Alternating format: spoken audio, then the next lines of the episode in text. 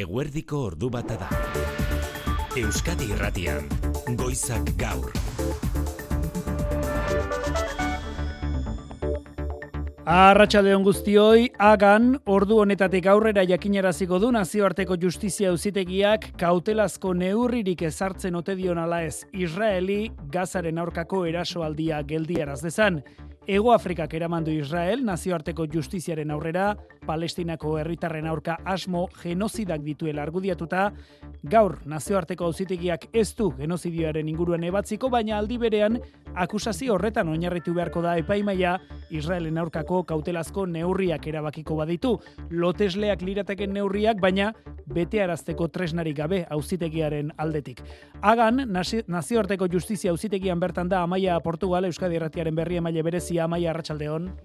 Arratsaldeon bai, astear da epailearen irakurketa, agako bake jauregiaren atarian hasi dira Palestinarren eta Netanyahuren gobernuaren aldekoak bilatzen, segurtasun neurrien artean nor bere aldetik eta barruan 16 epaile eta hiru erabaki posible. Bat, Hego Afrikak eskatutako kautelazko neurriak onartzea izan osorik edo partzialki, bi erabat ukatzea eta hiru nazio batuen auzitegi goren honek berak neurri propioak proposatu eta agintzea. Hogeita mar berrogei minutuko irakurketa espero da esan duzu, auzitegiak ez du orain ebatziko ea Ego Afrikaren akusazioa zuzena den eta Israelek asmo genozidak dituen gazan, horrek asko zere luzeago joko du, orain erabaki behar duena da, ea motiborik baden bada ezpada eta premia zaginduren bat emateko Israeli gazako herritarrak babesteko. Ikusteken netan gobernuak zer erantzun emango lukeen ala balitza auzitegiak ez baitu neurriok ezartzeko baliabiderik, baina neurriak ez onartuta ere kolpea handia litzateke Israelen zilegitasunari orain arte aldarrikatu duen bere burua defendatzeko eskubideari dagokionez.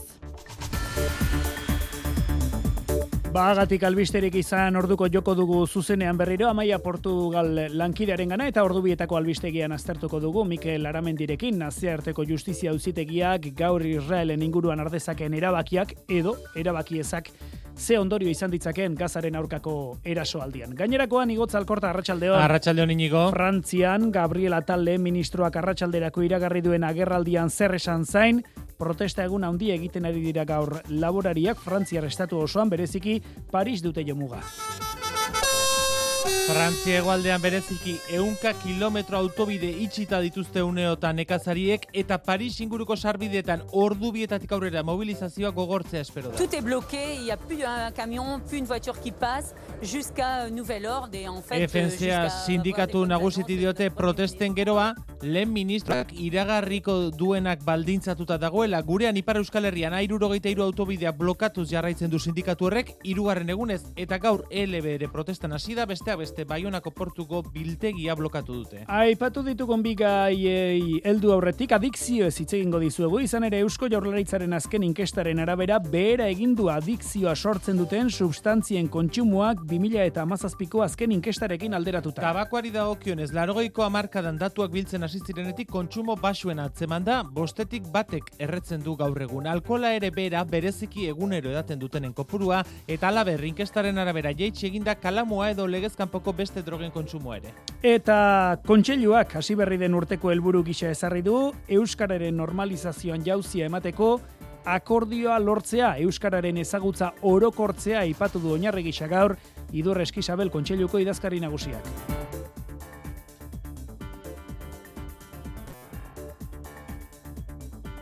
Uste dugu ezagutzaren unibertsalizazioa konpromiso zibiko gisa agertuta hor badagoela oinarri eh, sendo bat akordio horretarako eta horretan saiatu eta tematuko gara.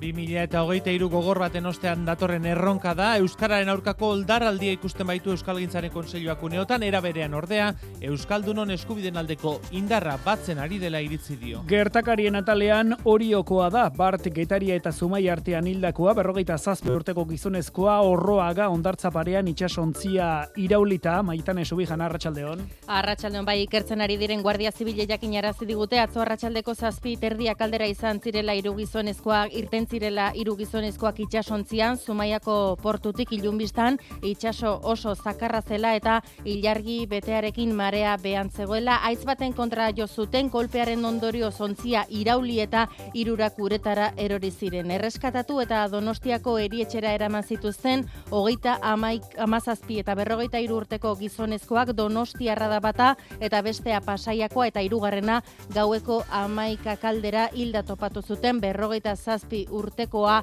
oriokoa da. Guardia Zibila estripu tokian izan da gertatutakoa ikertzen, hipotesi guztiak zabalik digu, ditu eta aitortu digu etzirela ohiko orduak itxasora irteteko are gutxiago zebilen itxaso zakarrarekin. Errepidetan ez dugu aparteko eragozpenik, errepide sare nagusian ez bintzat Ego Euskal Herriko trafiko arduradunek esan digutenez, seguraldiari dagokionez nahiara barrede Euskal Meta Arratxaldeon, Kaixo, arratsaldeon. aldaketarik espero duzu datozen orduotan? Ez, bai, esan antzera jarraituko dugu, ez? Zerua zuriska agertuko da, erdi mailako deitago jodei batzuekin, kostaldean ere lamborro pixka bat ager daiteke, baina orokorrean giro nahiko argia izango dugu, iparraizea, ibiliko da, eta gaur temperatura oroar amasei, amazazpi graduren bueltan geratuko da. Eta giro honek jarraipena izango du asteburuan? Bai, hori da, giro argiarekin jarraituko dugu, bai larun batean eta baita igandean ere, eta gainera egoaizea bizitu egingo da batez ere, e, larun bat arratsaldetik aurrera. Egoaize horrek indar hartuko du, eta horrekin batera bat temperaturak gora egingo du kantauri surialdean, eh? hogei gradu ingurura iritsiko gara bertan, hegoaldeko eskualdetan berriz, e, balio baxuagoetan geldituko gara, amabost, amasei graduren bueltan. Igandean ere, bueno, ba, maksimoak antzekoak izango dira, baina minimoek gora egingo dute, eh? lehen orduetan ere, giroa epelseago izango da igandean bihar baino. Ederki, ba, kiroletan Jose Maria Paula Arratxaldeon. Arratsaldeon, Iñigo. Zozketa garrantzitsua oraintxe Euskal Futbolarentzat Madrilen pixkatean itxero, itxeron beharko dugu. Itxaron beharko dugu, normalean jakiten baita e, zozketa noiz hasiko den, baina einoz ez da jakiten noiz bukatuko den. Reala, Atletik Mallorca eta Atletico Madrid. Joan etorriko kanporaketak otxailaren zazpian eta hogeita zortzian erabakiko dira. Almeria eta Alabez gaur aurrez aurre, baina kontu gehiago ere bai parte hori bederatzietan da zortzi terdietan Eibarrek Mirandesen kontra saskibaloia daukagu gazteizen zortzi terdietan Baskonia Valentzia gainera. Errukbia landetan derbi kutsukoa akize miarritzeren kontra endaian da binakako txapelgeta elordi rezusta peña albizu. Eta itzulia ere arreta eske lehen ekitaldi egin zela eun urte beteko dira urten, irundik abiatuko da apirilaren batean seian bukatuko da Ibarren, eta berrogeita sei urteren ondoren etapa amaiere izango du Ipar Euskal Herrian, Kanbon, bukatuko da bigarren etapa eta Australiatik eh, arreta eske ditugu tenislariak ze gaur uste gabekoa izan da Djokovic lausetetan bota egin dute finalean da Sinner Italiar gaztea beste oraintxe dute jokoan Ezberefek eta Medvedevek Bete betea kirolegez, Jose Mari, zozketa izan orduko eman diguzu. Ederki, eta ordu bitarrietan kultur lehioan, Manu Etxezortu Arratxaldeon. Arratsaldeon inigo. Nestor Basterretxea eskulturgilearen mende aurrenako goratzeko egitara hau zabala antolatu dute urte osorako. Ba, inigo, Nestor Baserretxe irudi batean Eusko Legebiltzareko bilkura aretoan dagoen izaro eskultura legebiltzarkidek hitz egiten dutenean beraien atzean ikusten duguna. Maiatzaren seian beteko iraun urte Nestor Basterretxea jaiozela. Euskal Herriko artista hundietako bat Euskal Artearen berritzailea beste beste eskulturan, margolaritzan eta zineman aritu zena. Basterretxearen arteaz gogo eta bingen zupiria kultura zailburuak. Arteari buruz hitz egingo dugu mende hurren honetan, Basterretxearen arteari buruz, eta adierazi nahi dugu, artea izan dela gure Osasuna mamitu, gorpuztu eta sustatu duen ekimen bat eta ekspresio bat mende honetan zehar. Nola baite herri bezala forma bat hartzen lagundu digun jarduera bat. Basterretxaren mendeurrena antolatzeko hogei kultur erakunde eta kultur entitate, baino gehiago elkartu dira, erakusketa eta ekitaldi programa handia prestatu dute, lehendabiziko erakusketa, otxailaren hogeita sortzian abiatuko dena, Bilboko Arte Ederre Museoan izango da, titulua Nestor Basterretxea inigo diseinua eta arkitektura. Urtarrilako geita seigarrena du gaurkoa, teioka beraz urtarrileko azken asteburua, teknikan eta errealizazioan aiora urdangarin eta xabira ola ordu bata eta bederatzi minutu. Euskadi Irratian. Goizak gaur. Inigo Alustiza. Eusko Jaurlaritzako osasun saila osasun sailak adikzioen inguruan egindako azken inkestaren arabera beranzko joera erakusten du oroar sustantzia adiktiboen kontsumoak, alkola, tabakoa, kalamua eta legez kanpoko bestelako droga batzuez ari gara. Maiale narratibel arratsaldeon. Kaixo arratsaldeon. Bereziki adierazgarria da tabako erretzaileak inoiz baino gutxiago direla Euskal Autonomia Erkidegoan, eguneroko erretzaileak direlako amarretik bi aletu ditzagundatuak. Bai, hasiko gara ala ere alkoletik, hori delako gizartean gehien kontsumitzen den sustantzia adiktiboa, amarretik sortzik aitortzen dute, edari alkolikoak edan dituztela, noiz behinka bada ere, baina jaurlaritzaren azken inkestak dio bereziki bera egin duela, eguneroko kontsumoak adintalde guztietan, berrogeita maost eta irurogeita urte artekoan izan ezik. Es que ha habido una disminución y una disminución muy marcada en el patrón de consumo diario, sobre todo en las personas más jóvenes. Itziar Lariz Goitia osasun publikoko zuzendariaren arabera, alkolaren oso atzetik, baina tabakoa da gehien kontsumitzen den urrengoa, herritarren euneko hogeik diote azken urtean tabakoa erredutela, baina bereziki da dierazgarria azken urteotako berantzko joera. Egun, egunero erretzen dutelako amarretik bik, duela zazpi urte baino irupuntu gutxiago. Es una tendencia claramente descendente a lo largo de estos años, más marcada a partir del 2010. Kalamuak ere beranzko joera erakusten du, naiz eta kontsumitzaien amarretik bik arriskutsua den mailan kontsumitzen dute, mereziki, hogeita mabost urtetik bera. Eta bestelako gehi dagokinez ere, kokainaren ohiko kontsumoa adibidez, eunetik biti, euneko bitik bera dago, baina kontsumo esperimentalak, alegia inoiz hartu dutenen kopuruak gora egin du azken urtean, ia euneko hogeik kontsumitu dutelako drogaren bat, ba, azken, e, azken urtean. 2000 eta bosteun herritarrek erantzun duten inkesta da, maialen, ala ere bea kezka sortu duen beste datu bat, eta da, lasaigarrien kontsumoak goranzko joerari eusten diola, batez ere, emakumengan. Bai, hori da, mediku erriz errezetarekin kontsumitu arren, osasun saiak adikziotzat jo du, horien kontsumoak eh, gorantz egin duelako 2000 eta amarraz geroztik bereziki emakumezkoen artean, eta adinak aurrera eginala ere ikusten da kontsumo hori ohikoagoa izaten dela.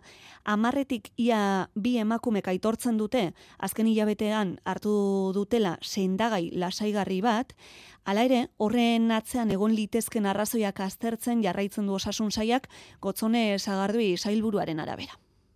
Lazaigarri hoien erabilpena, erabilpen mediku bat dela gehiengo handi batean, eta hori nahiko da garrantzitsua. Gero, e, zergaiti hoiek oso desberdinak izan daitezke, analgesiko opioiden kontsumoari ere arreta jarriko diotela, ala itortu du zailburuak, batez ere legezkanpoko erabilera egiten den kasuetan neurriak azkar jarri alizateko.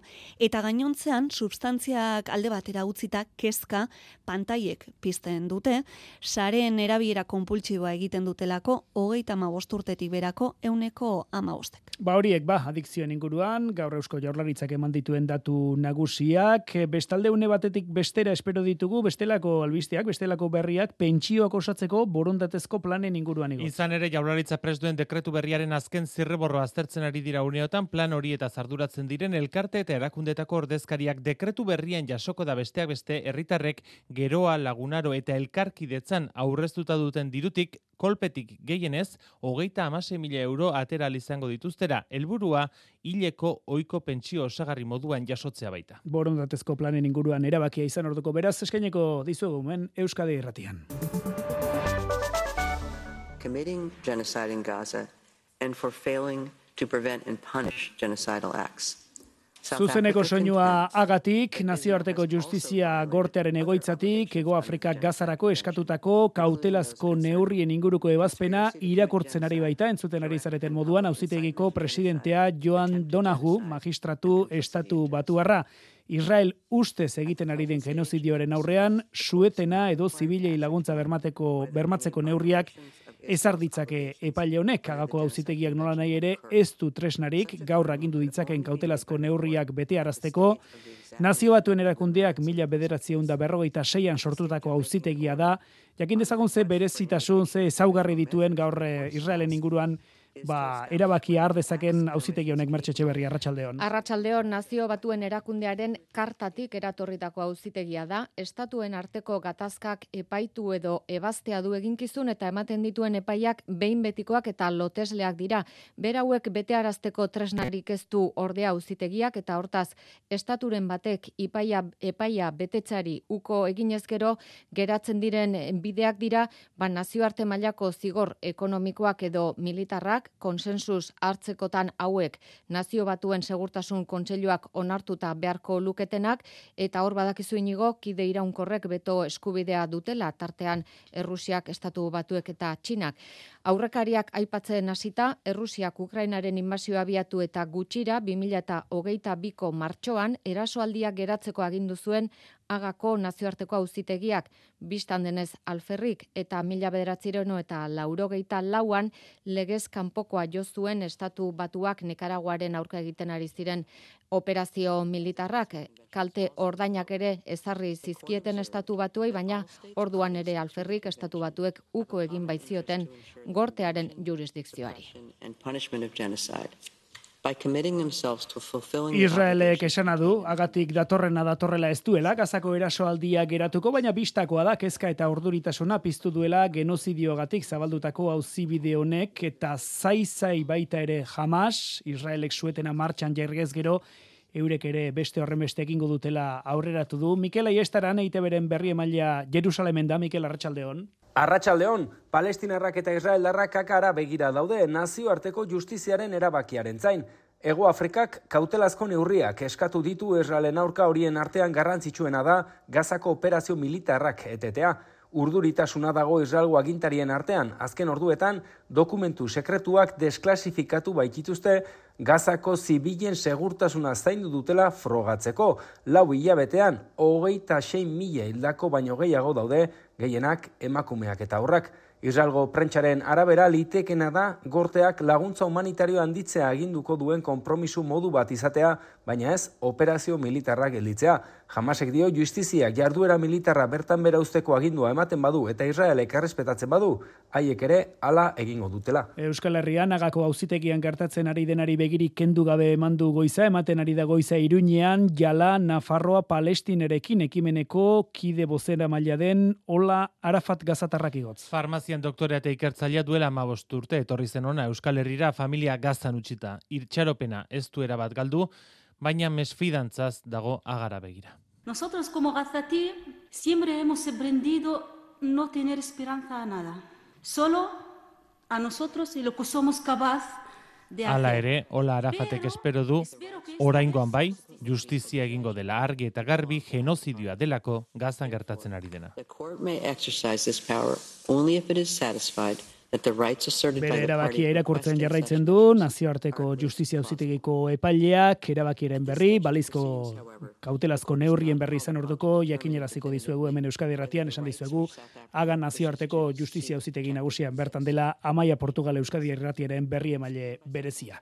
Jo dezagun jarraian zuzenean Parisera, Gabriel Atal, Frantziako lehen ministroak arratsalderako agindu baitu, nekazaritzarako, arditzaken neurrien inguruko albistea, indar erakustaldia egiten ari diren egunean, laborarien sindikatuak Frantzia hegoaldean esatea baterako laureun bat kilometro autobide itxita dituzte laborariek, Paris inguruan berriz hiriburuko sarrera irteerak ordubietatik aurrera itxiko dituztela iragarri dute sindikatuek. Horietako puntu batean da Paris inguruan Iñaki Esnal lankidea Iñaki aurrera. Arratxaldeon Sanagnuko ordaindekoan gaude Paristik irurogeita mar kilometrora traktoreak ona iristear dira A marra autobidea blokeatzeko helburuarekin eta gauza bere egingo dute Parisera doazen beste lau autobide izteko. Goizean zehar Paris inguruan autoiarak sortu dituzte momentuz ez bereziki eh, luzeak, baina ikusiko zer gertatzen den datozen orduetan. Frantzia hegoaldean bai laureun kilometro moztu dituzte bi autobideetan, guztira irurogei bat blokatze daude Frantzia osoan, denak adi arratsaldean atale ministroak zer eskeniko, ikusteko protestekin jarraitu gala ez, momentuz behintzat, barne ministerioak indarra erabiltzea baztertu du. Ipar Euskal Herrian bitartean, azken egunotan FDSako sindikatuak eta nekazari gazten sindikatuak egin dituzten blokeoei LB sindikatuen mobilizazioa gehitu, LB sindikatuaren mobilizazioa gehitu zaie gaur, goizean goizetik, Baionako portuko inguruak blokeatu dituzte LB kideek, FDSak airurogeita iru eta airurogeita lau autobideak oztopatzen jarraitzen duen bitartean, azken ordua Baionan Andoni Lizeagak, Andoni Arratxaldeon. Arratsaldeon besteak beste elebekoek ongarri eta harto biltegien sarreretan utzi dituzte traktoreak maisikan adibidez, lehen gaiak adibidez hartua oso prezio apalean importatzen dela salatzeko, espekulazio hori salatzeko, ezberdintasunak ezberdintasun eh, batasun irudi emateko eguna dela erran digu, e, Julen Perezek e, sektorean aulezia handia baita. Egun nahi ginuke horren gainetik pasatu. Gure arteko hitza da laborantza munduri e, krisian dela, bakutsak badu laborantza ikusteko manera. Egun gertatzen da gauza polit bat, nahi du laborariak elgarren artean e, etiketa desberdina izanik ere elgarretaratzen direla, hala dago izuntan traktoretan banderola bat merkatu libreak hiltzen gaitu leloarekin. Frantziako Konfederazioen Paisanen deiarekin bat egin baitute. Laborantza produktuak ekoizpen kostuen azpitik saltzea debekatzen duen lege bat eskatu dute eta Europa Mercosur akordioa bertan bera ustea eta gainera laborari eta langile independente talde batek bere kabuz a irurogeita lauko ametzondoko sarrera eta biarritzeko araustako itzulgunia blokeatu ditu. Ez da goiz goxoa izan beraz, autogida dientzat, baionan aurtin hiriburun eta unen honetan ere arazoak metaketak adibidez biarritzen.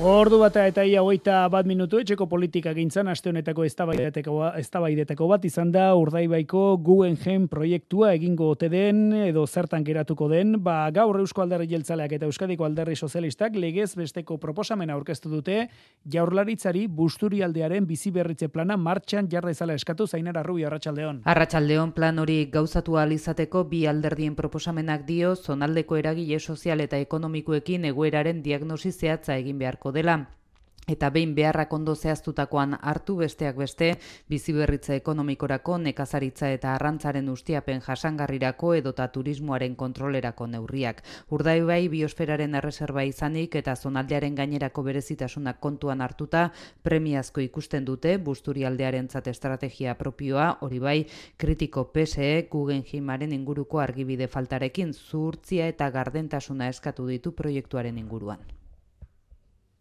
Katalunian, Pera Aragonez Generalitateko presidenteak gogor jodu oso gaur, Espainiako inteligentzia zerbitzuen kontra, hauek Pegasus programaren bitartez, bere sakelako telefonoan espioitzan aritu zirela jakin eta biharamonean, eta salatu du Aragonesek faltsukeria eta noinarrituta ari zaizkiola espioitzan, klandestinitatetik CDR mugimendua koordinatzen ote zuen jakiteko aritu baizaizkio zelatan. 2000 eta emeretziko ustaila eta 2000 eta hogeiko martxo artean zelatatu zuten Aragones, Espainiako gobernuak dio inteligentzia zerbitzuek ez epaileek ez diotela beren ikerketen berri ematen, eta bitartean justu orentxe, orduko zuzendari zena, zenein, mm, inteligentzia zentro horretan, une honetan ari da deklaratzen Bartzelonako epaitegi batean, inputatu gisa hauzia hau tarteko, izaro bazarratxaldeon. Arratzalde hori da, CNIak 2000 eta emeretzian orduko generalitateko president ordea, Pere Aragonez zela tatu zuen CDR-en buru zela argudiatuta. Ba Aragonezek CNIaren argudioek fundamentu ez oinarririk ez daukatela kritikatu eta espioitza gezurretan oinarrituta bultzatu zela salatu du. És lamentable eh, les mentides que s'han inclòs. Crec que afirmacions que s'hi sustenten eh, no tenen eh, cap mena... Erantzukizunak argitu arte, eman beharreko urrats guztiak emango direla iragarri du aragonezek. Eta gobernuak zer dio, ba Monkloatik argi utzi nahi izan dute, zeneiaren espioitza jarduera hauek PPren azken gobernuarekin abiatu zirela, baina hala ere, zeneiaren egitekoa defendatu dute Felix Bolaños ministro justiziaren hitzetan, legediaren eta zuzenbide estatuaren arabera jokatu da gobierno, ni tampoco el Tribunal Supremo cuando los autoriza tiene que contarlo al gobierno. Yo creo que ha habido un funcionamiento también en esto normal del Estado de Derecho. Alderdi porque... popularretik aldiz, ez dute gobernuaren diskurtsoa sinisten, popularren hitzetan, Sánchezen gobernuak agindu zuen eskerra ikertzea CDRen jardueren gatik. Y ahora que se acredita que ha sido el gobierno del presidente Sánchez, del presidente Sánchez, parece ba, ser kontestu honetan, zeneiaren buruoia, Paz Esteban, Pegasus kasua dela eta epaiaren aurrean deklaratzen ari da orain bertan. Bart ezagetu genuen Aragonesen espioitza izango da izpide. Eta azken kontu bat, Garzia Castellón auzitegi nazionaleko epaileak, tsunami demokratikoaren kasuan, erregearen bizitagatik, 2008an Bartzelonan egondako protestak ikertzen hasi da. Bide batez azken ordukoa Bruselatik, Europar batzordeak bitartekaritza jarriko duela martxan, Espainiako botere judizialaren kontseilu nagusia berritzen laguntzeko Didier Reinders, justizia komisarioak datorren aste azkenerako deitu ditu Felix Bolaños, Espainiako presidentzia ministro sozialista, eta Esteban González Pons, buruzagi popularra lehen hartu emanerako. Izaskun Bilbao, hiru lege aldiz Eusko Alderri Jeltzalearen diputatu izan denak, datorren ekainian utziko du kargu hori, eta gaur gonbidatu izan dugu Euskadi Erratiko Faktorian, Izaskun Bilbao aitortu digu, 2000 eta emeretzitik, areagotu egin dela Europar batasunean eskuin muturrarekiko kezka, eta bestetik migrazio hitzarmenari argilunak ikusi dizkiolare. Kontatu digu, Urtzi Garzia Arratsaldeon. Arratsaldeon bai ba, migrazio gaiak kudeatzeko Europako batasunean marko orokorra esartzea urratsa dela uste du izaskun Bilbaok, baina aldi berean migranteak jasotzeko hitzarmen horrek esartzen duen banaketa politika edo irizpideak kritikatutu zehazki, dagozkien migrante kopurua ez jasotzearen truke, dirua ordaintzeko estatuei ematen zaien aukera ez du begionez ikusten EAJaren eurodiputatuak. Nik ez dut bat egiten e, proposamen e, e, horrekin, ordaindu beste batek egiteko zure lana, ba, ez da e, soluziorik egokiena. Egin behar duguna da integrazio e, zuzenagoa, e, harmonizatuagoa Europa guztian, Hildo horretan, migrazioaren inguruko ultraeskuinaren mezua faltsukeriaz beteta dagoelara ere salatu du eskuin muturraren gorakada saltzeko faktoren artean, politika egiteko modu ere badago. Txagozenean oposizioan danak balio dau.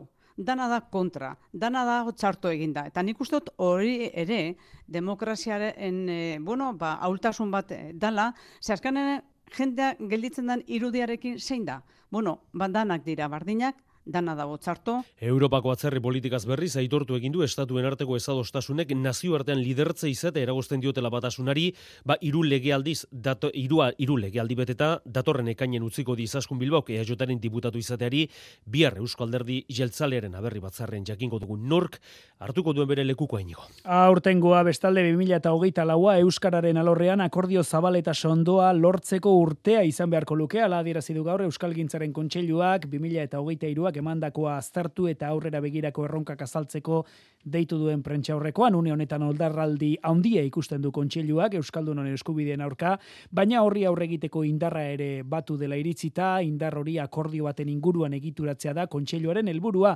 eta dostasunerako oinarria ere ezarri dute Euskararen ezagutza, Euskararen ezagutza orokortzeak behar duela izan ipar horratza, ino mendiburu arratsaldeon. Arratsaldeon, herritar guztiek euskara zulertzeko eta aritzeko konpromiso bikoitza behar da. Batetik, botere publikoek baliabide guztiak jarri behar dituzte hizkuntza ikasteko. Bestetik, norbanako gisa euskaraz hitz egin, bultzatu eta gure ondorengoak bide horretan jarri behar ditugu. Euskalgintzaren kontseiluaren iritziz, euskarak bizirauteko gizarte osoaren konpromisoa behar baitu. Idurresk Isabel, Euskalgintzaren kontseiluko idazkari nagusia. Euskararen normalizazioa ez dela Euskaldunon, Euskaltzaleon kontu bat, baizik eta gizarte osoarena. Genero berdintasuna ez den bezala emakumen kontu bat, baizik eta gizarte e, osoarena.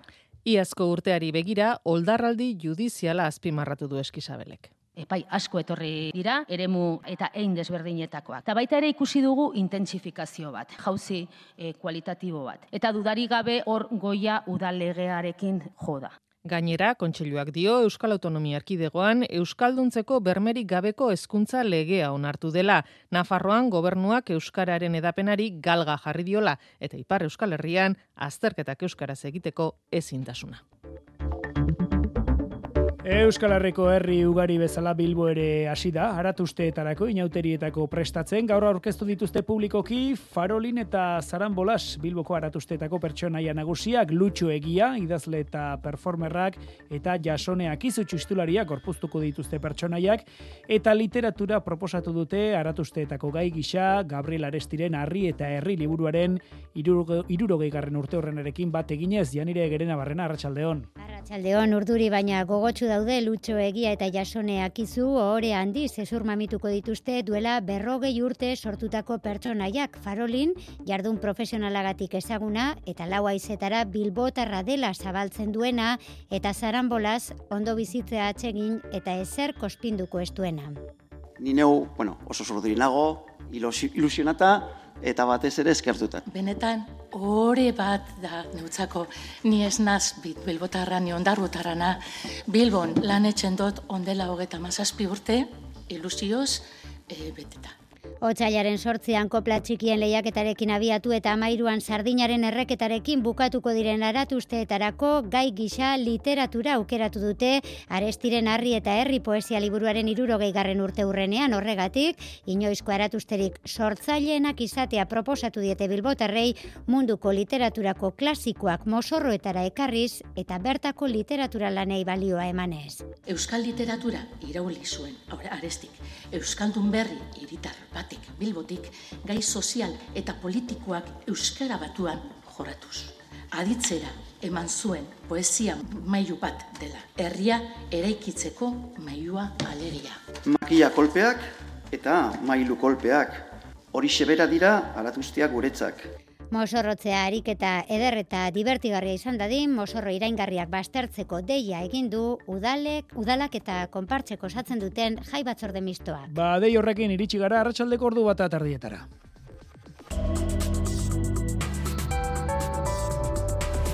Euskadi Irratian eguraldia eta trafikoa. Errepidetan ez dugu aparteko eragozpenik, ez behintzateko Euskal Herrian, ala esan digute trafiko arduradunek, eguraldiari dagokionez, aldaketarik ez du espero datozen orduotarako, ez da astebururako ere Euskalmetek. Asteburuan giro argiarekin jarraituko dugu, naiz eta asteburuan ere erdi mailako dei eta goio dei batzuk agertu eta bestalde egoaizea nabarmenduz joango da. Larun batean eh, hasieran e, giro freskoa izango dugu lehen orduetan gehien bat barnealdean, baina egunak aurrera eginala egoaizeak indar hartuko du eta iparri aldean temperatura 20 gradu ingurura iritsiko da. Iganden ere egoera antzeko izango da, maksimoetan aldaketa handirik ez da izango, baina egoaizaren ondorioz minimoak ere igo egingo dira eta beraz egun sentia epelago izango da.